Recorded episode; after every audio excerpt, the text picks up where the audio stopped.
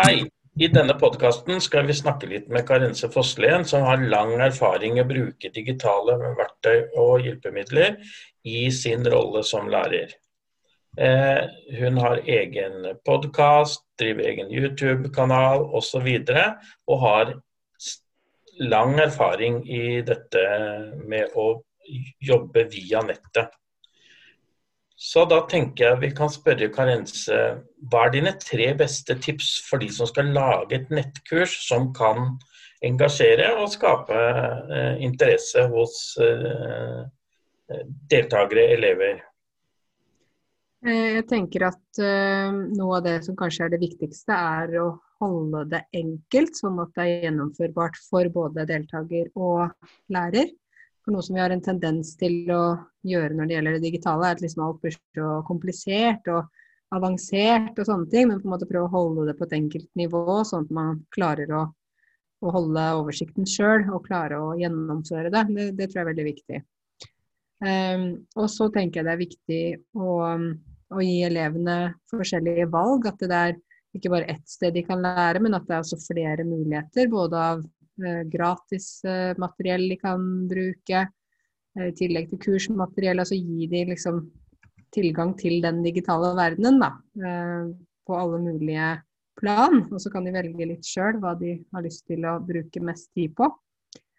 Og så tenker jeg det også er viktig at hvis man da har sånn type grupper, kollokviegrupper eller én-til-én-undervisning eller noe sånt, at man da er nær selv om man ikke er der. Altså at man er det stedet man er opptatt av deltakerne man følger opp. Og gjerne også bruke f.eks. noe fra deres nærmiljø, eller noe som gjør at de føler at du har en tilknytning til dem, selv om dere ikke er i samme rom, da. Tenker jeg er viktig. Syns du det er lett å få til denne si, samhandlingen? Er det eh, lett eh, ved å bruke digitale verktøy, eller er det større hinder for dette versus en vanlig klasseromsundervisning?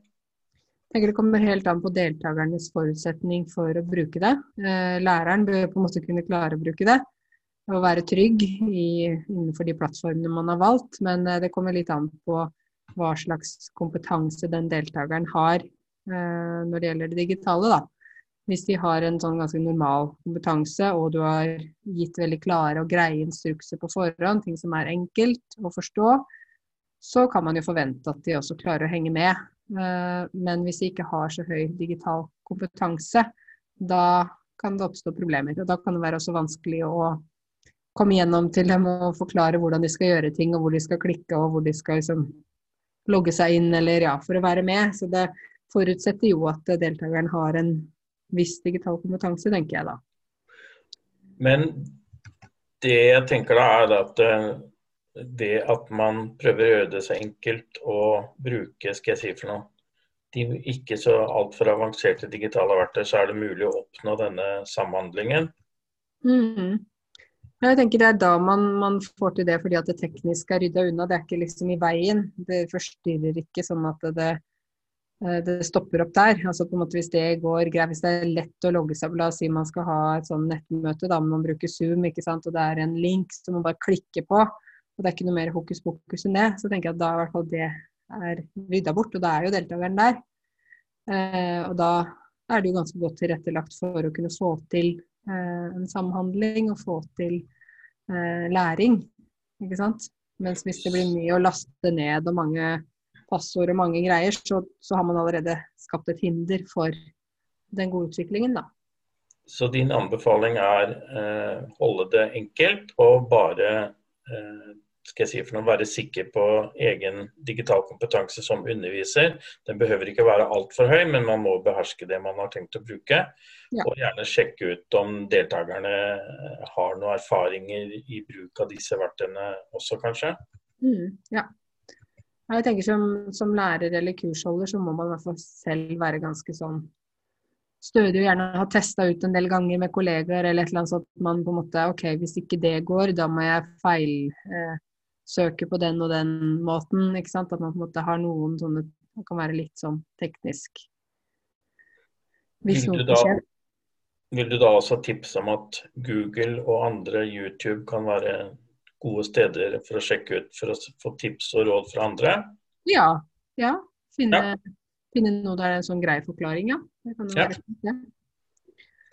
Hva tror du er den største fallgruven, da, hvis jeg som underviser har lyst til å sette i gang og lage et nettkurs, eh, og jeg er medium god digitalt? Mm.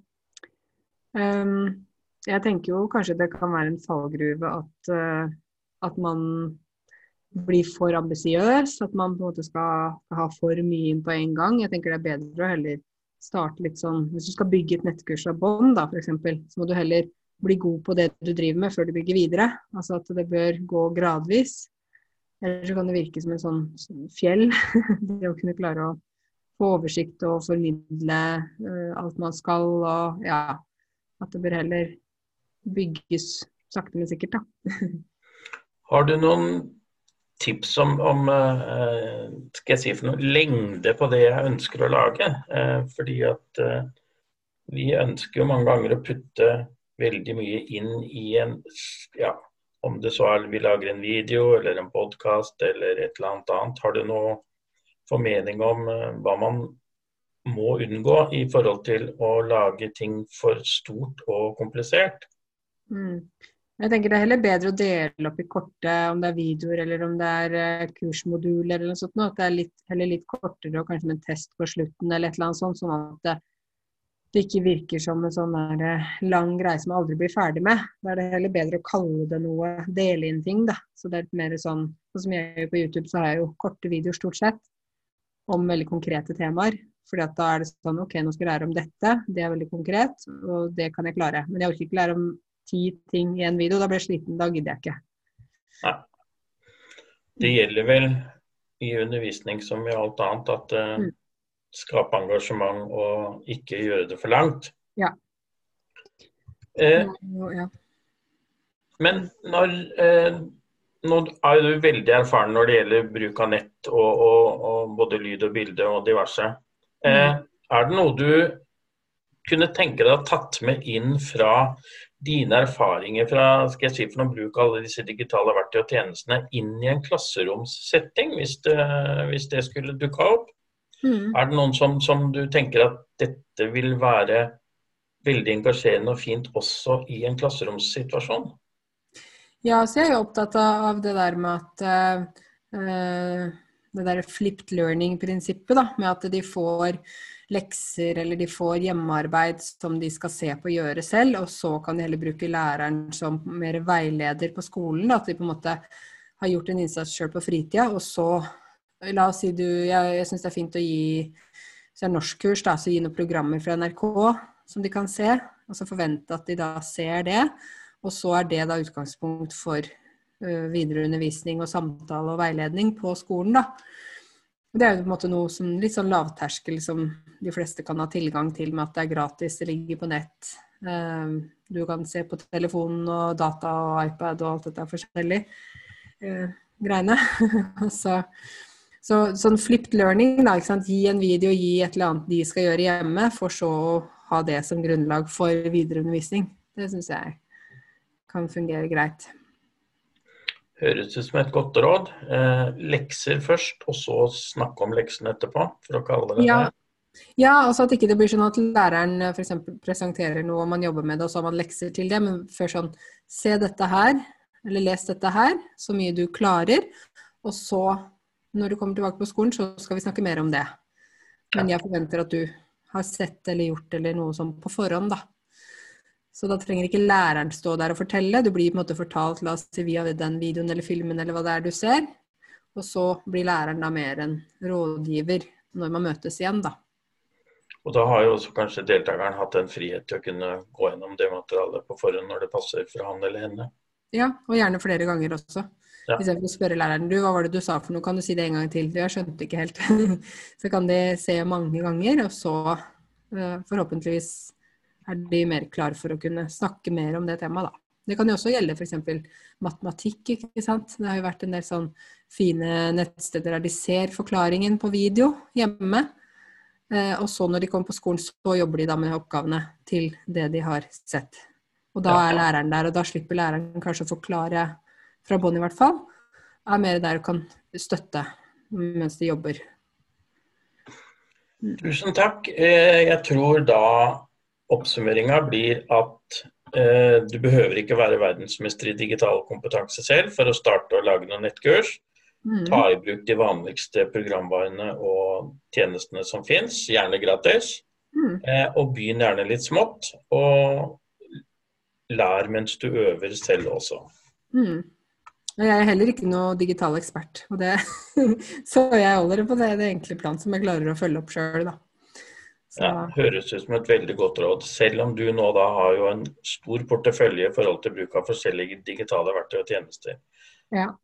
Men jeg har lært meg det underveis, da. Har ikke vært Ja. alt på en gang. Så anbefalingen er begynn smått og lær underveis. Ja. Tusen takk til Karense. Er hyggelig. Takk for meg.